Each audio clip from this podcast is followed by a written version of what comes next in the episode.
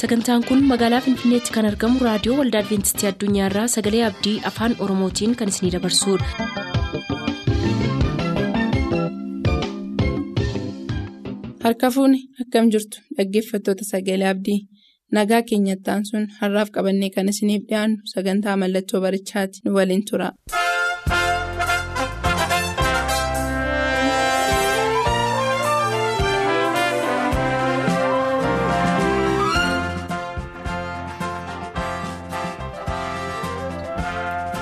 Mallattoo barichaa.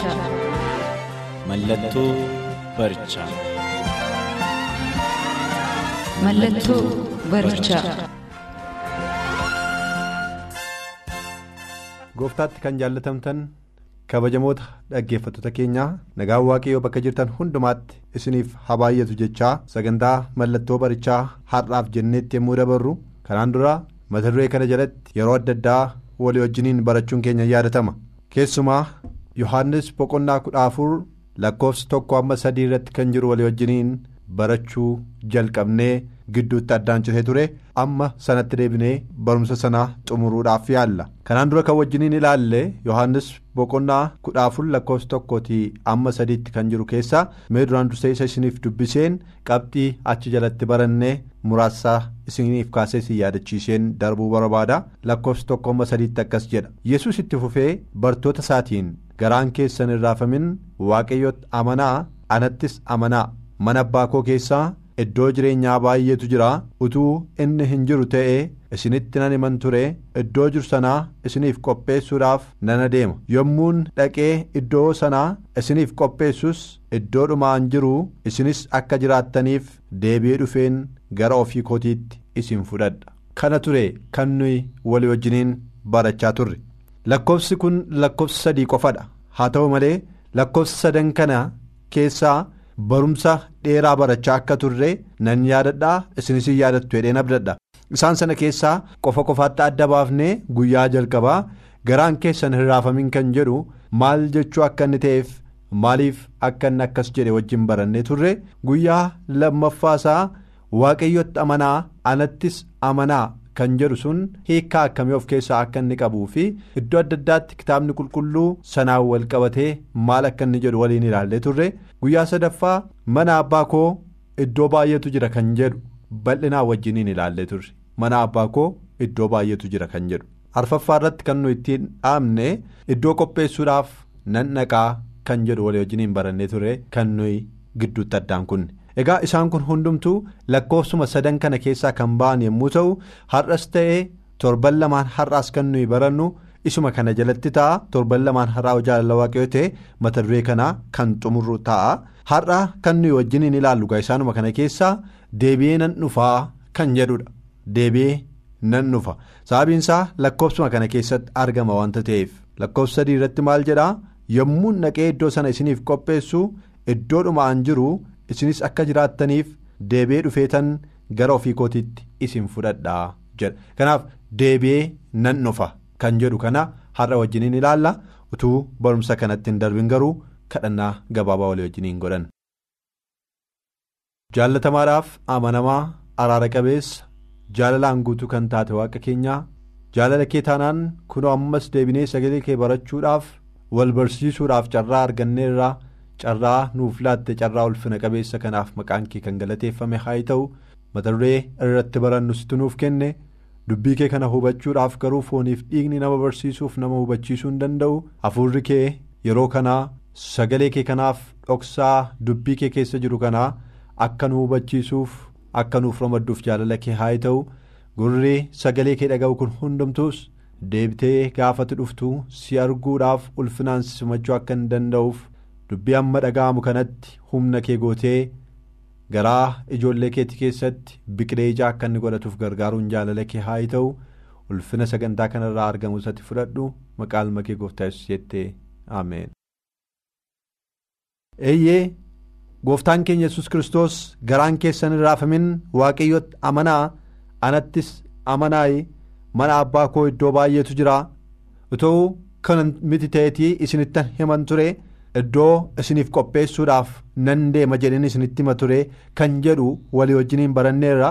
Erga akkas jedhee booddee walumaa gala kanaan dura ilaalleerra maaliifidha kan garaan keessan hin raafamin ittiin jedhe jennee ilaalle. Bartoonni kun yeroo dheeraadhaaf gooftaa keenya yesus kiristoosiif jedhanii isa duukaa bu'uudhaaf jedhanii mootummaan hundeessu keessa jiraachuudhaaf jedhanii mana isaanii qabeenya isaanii qe'ee isaanii waan qaban hundumaa dhiisanii hojii isaanii hundumaa dhiisanii isa duukaa bu'aa turaniiru. Lafanni dhaqe isaa wajjin dhaqanii lafanni bule isaa wajjin bulanii lafan oole isaa wajjiniin oolanii jireenya isaanii waggootaaf isaa wajjiniin dabarsanii turani. Haa ta'u malee seenaa nama gaddisiisu isaanitti himuu jalqabe.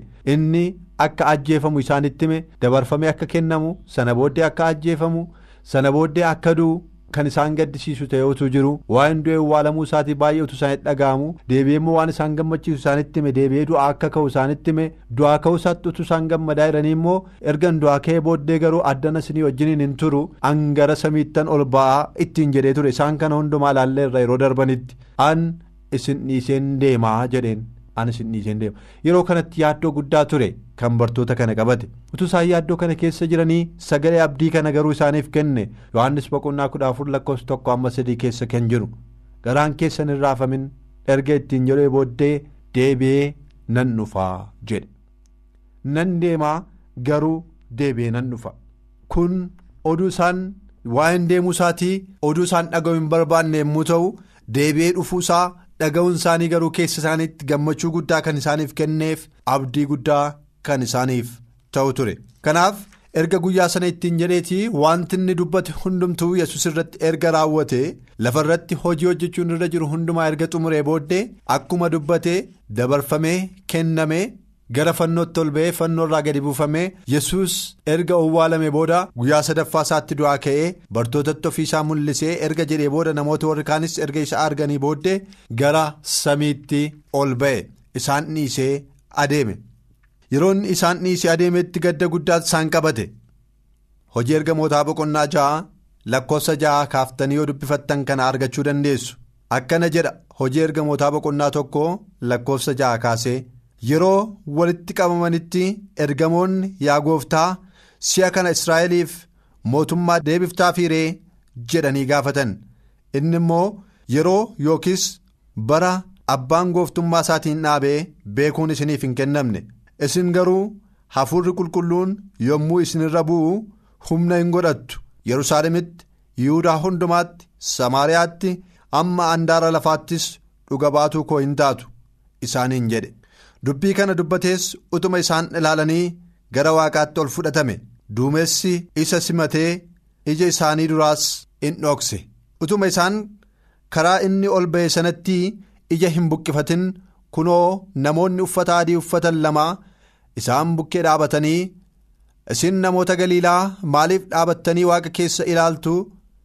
Yesus inni isin biraa gara waaqaatti ol fudhatame kun. Akkuma amma itti gara waaqaa dhaquu isaa argitan kanatti immoo deebi'ee hin dhufaa isaaniin jedhe. Eeyyana egaa dhaggeeffatootaa wanti kanaan dura yesus isaanitti iddoo kanatti qabatamaa isaaniif ta'e. Yesus isinirraa adda ba'ee nan deemaa ittiin jedhee ture.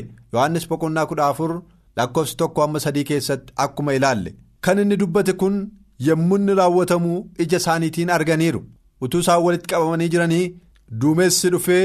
Innis duumessaan butamee ituu iji isaanii ilaaluu gara samiitti ol fudhatame.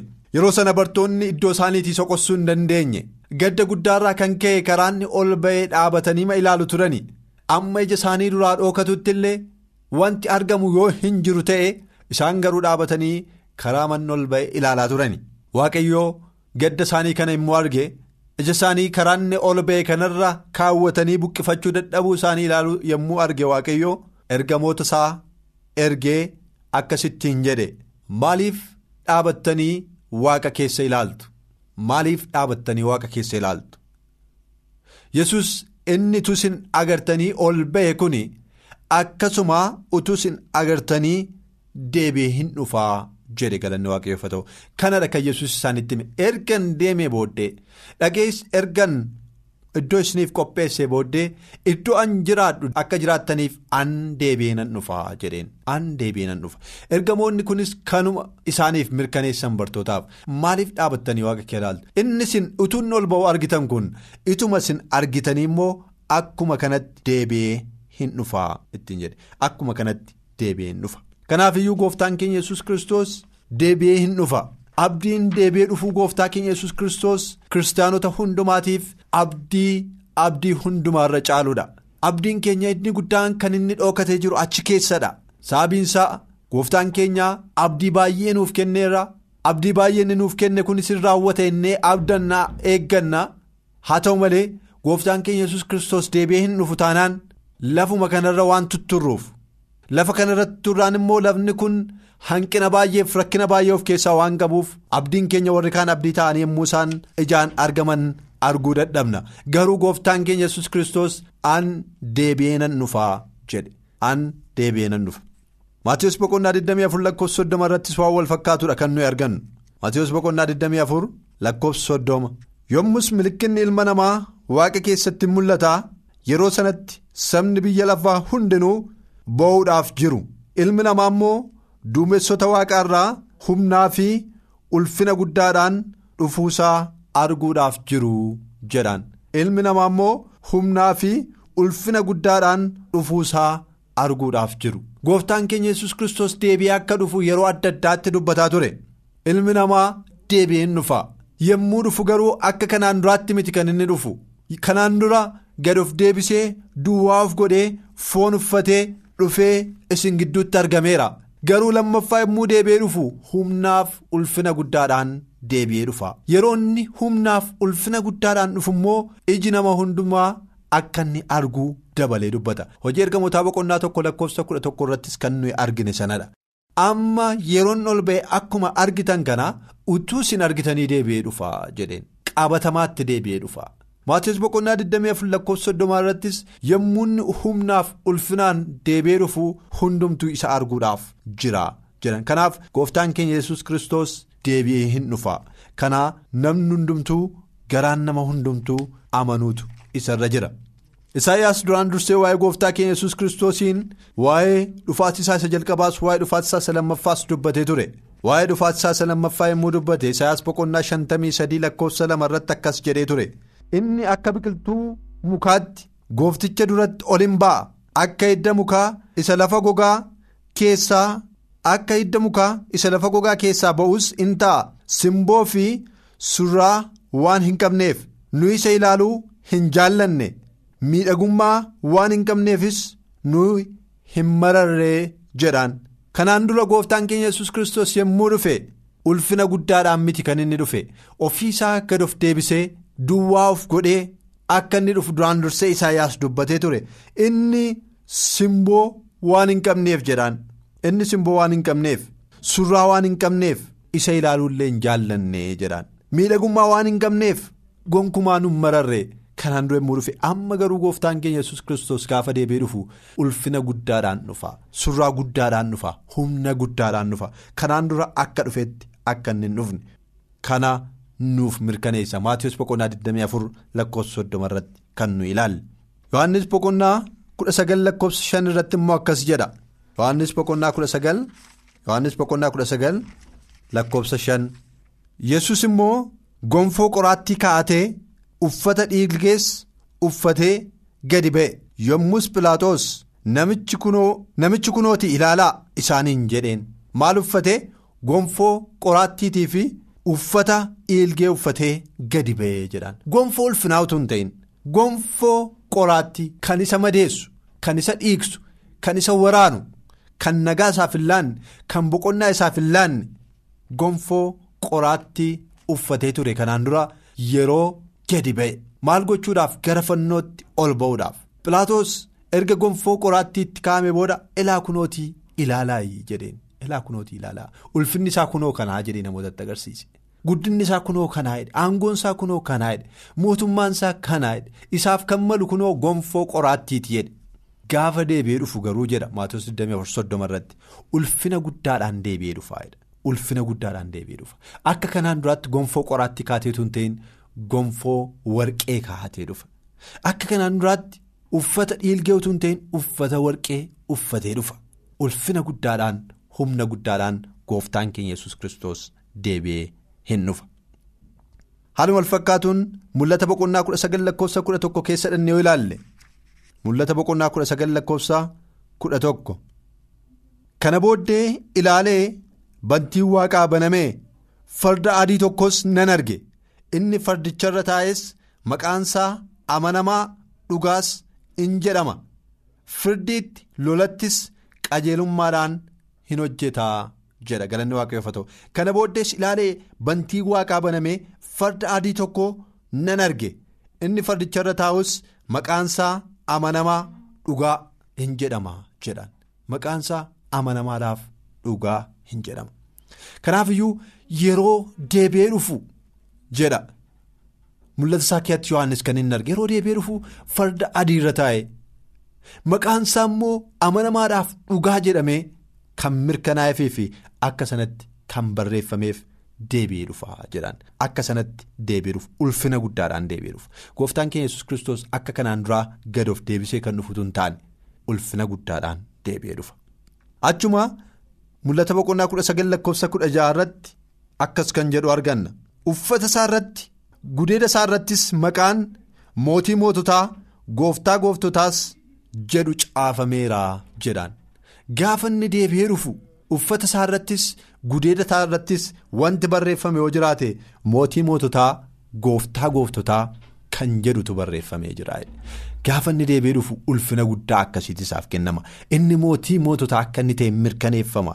Inni gooftaa gooftota hundumaa akka inni ta'etu mirkaneeffama. Kun hundumtuu kan inni ta'u gaafa inni deebi'ee dhufudha kanaafiyyuu gooftaan yesus maal isaaniin jedhee deebi'ee nan dhufaa jedhe. Deebi'ee akka inni dhufu kitaabni qulqulluu iddoo baay'eetti mirkaneessee nutti hima isayyuu immoo ulfina guddaadhaan akka inni dhufu. gara maatiyoositti deebinee yoo dubbifanne maatiyoos boqonnaa 24 lakkoofsa soddomarraa sila dubbifannee turre. Maatiyoos boqonnaa 24 lakkoofsa 31 irraa immoo yoo ilaalle 24 lakkoofsa 31 irraa akkas jedha. Inni ergamoota isaa waaqarraa sagalee malakataa guddaa wajjin in erga. Isaan immoo warra waaqayyoof fo'aman qixaarfanii andaara bantii waaqaa gar tokko amma gara isa kaanitti walitti hin qabu jedhen. gaafa inni deebi'ee dhufu ofiisaa fuuldura garuu ergamoota dursee erga. Ergamoota isaa yommuu inni ergu isaan immoo dhaqanii maal godhu? Bantii waaqaa jala kan jiran hundumaa golee lafaa hundumaarraa warra waaqayyoof fo'aman walitti sassaabu jedhan. Waaqayyoo ergamoota isaa duraan dursee erga. Gooftaan keenya yesus kiristoos yommuu inni dhufu ergamoonni isaa isa dursanii dhufu. Ergamoonni isaa isa dursanii dhufanii isaaf warra fo'aman walitti qabu. Kana. kitaabni qulqulluu dhugaanuuf ba'a. Kanaafiyyuu gooftaan keenya yesus kiristoos gaafa inni deebi'ee dhufu nan dhufa jedhee gaafa deebi'ee dhufu warra isaaf fo'aman warra toloota ta'an warra qulqulloota ta'an isaaniin walitti qabuudhaaf isaaniin sassaabuudhaaf isaaniin gara iddoo tokkootti fuudhuudhaaf akka inni deebi'ee dhufu nutti hima. Kanaafiyyuu gooftaan yesus yohannis boqonnaa kudha afur lakkoofsa tokko amma sadii keessatti deebi'ee nan dhufaa kan inni jedhee bartoota isaatiif kenne sagaleen abdii. kana fakkaata ture.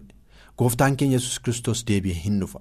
Kitaabni qulqulluun yeroo adda addaatiif iddoo adda addaatti waa'ee deebi'ee dhufuu isaatii jala muree dhugaanuuf ba'a.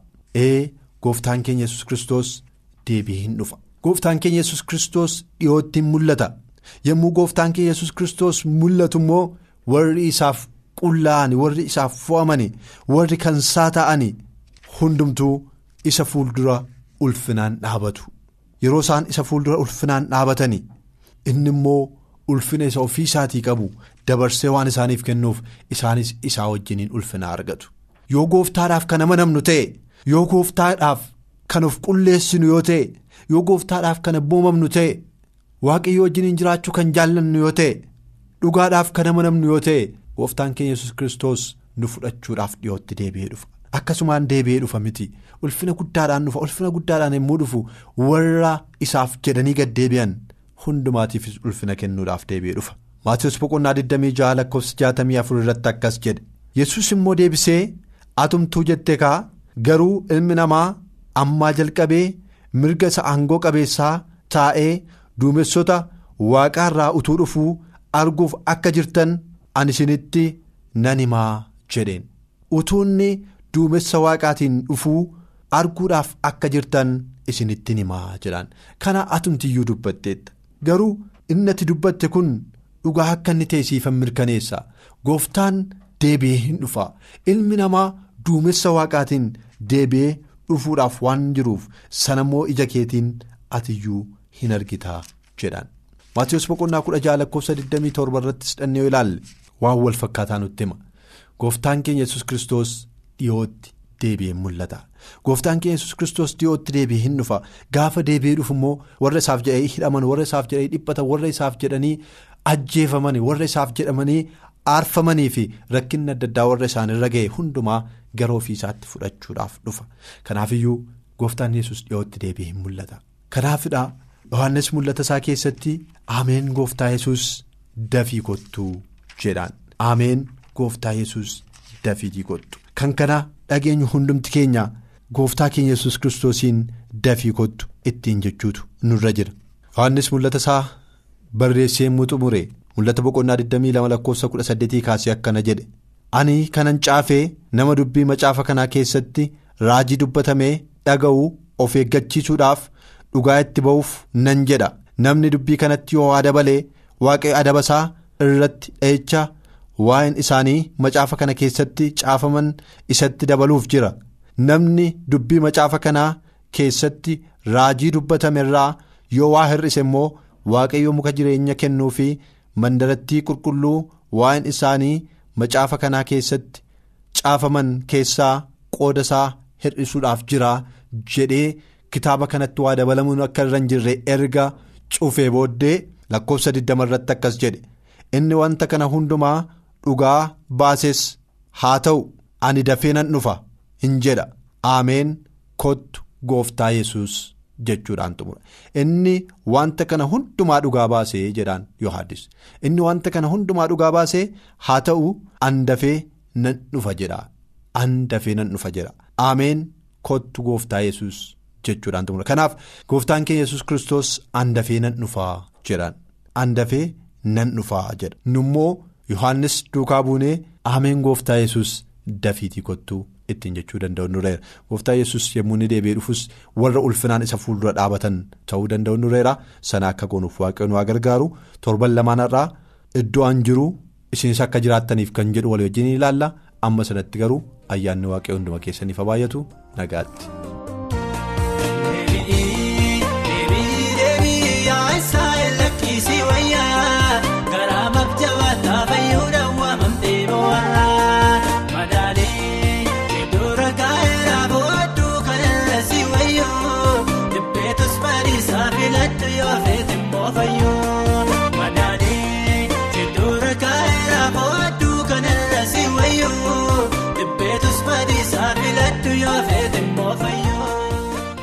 Sagantaa keenyaan eebbifamaa akka turtan abdachaa kanarraaf jenne xumurreerra booda sagantaa kitaabni qulqulluun maal jedha jedhu? Qabannee isiniif dhiyaanna sagantaa kana qopheessee qindeessee kan isiniif dhiyeesse gammachiis jaafee teeknishaana keenya irranaa malaakuu anis kan isin faana ture galgalee tafarii waliin ta'uun nagaatti isiniin jenna nuuf bilbiluu kan barbaaddan lakkoofsa bilbila keenyaa duwwaa 11 551 11 99 duwwaa 11 551 11 99 nuuf barreessuu kan barbaadaniif ammoo lakkoofsa saanduqa poostaa 45 finfinnee. Lakkoofsa saanduqa poostaa 45 finfinnee.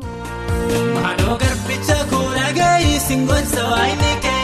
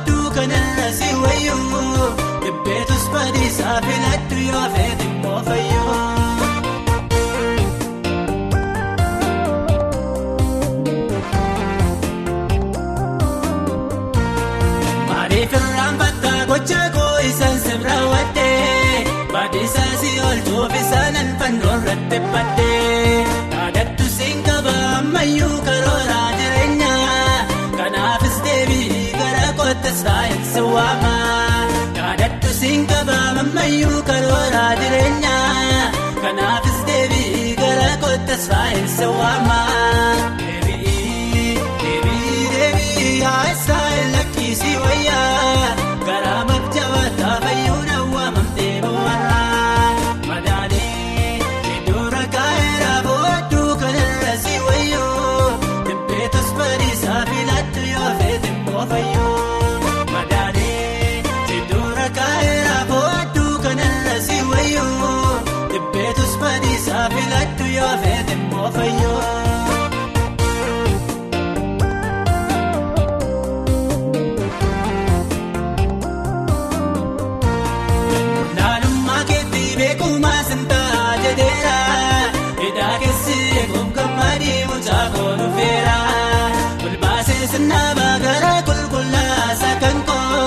gammachuun barbaaddaa galatan dhaabattee maqaa koo wal baasee sinnaabaa gara qulqullaa sakan koo gammachuun barbaaddaa galatan dhaabattee maqaa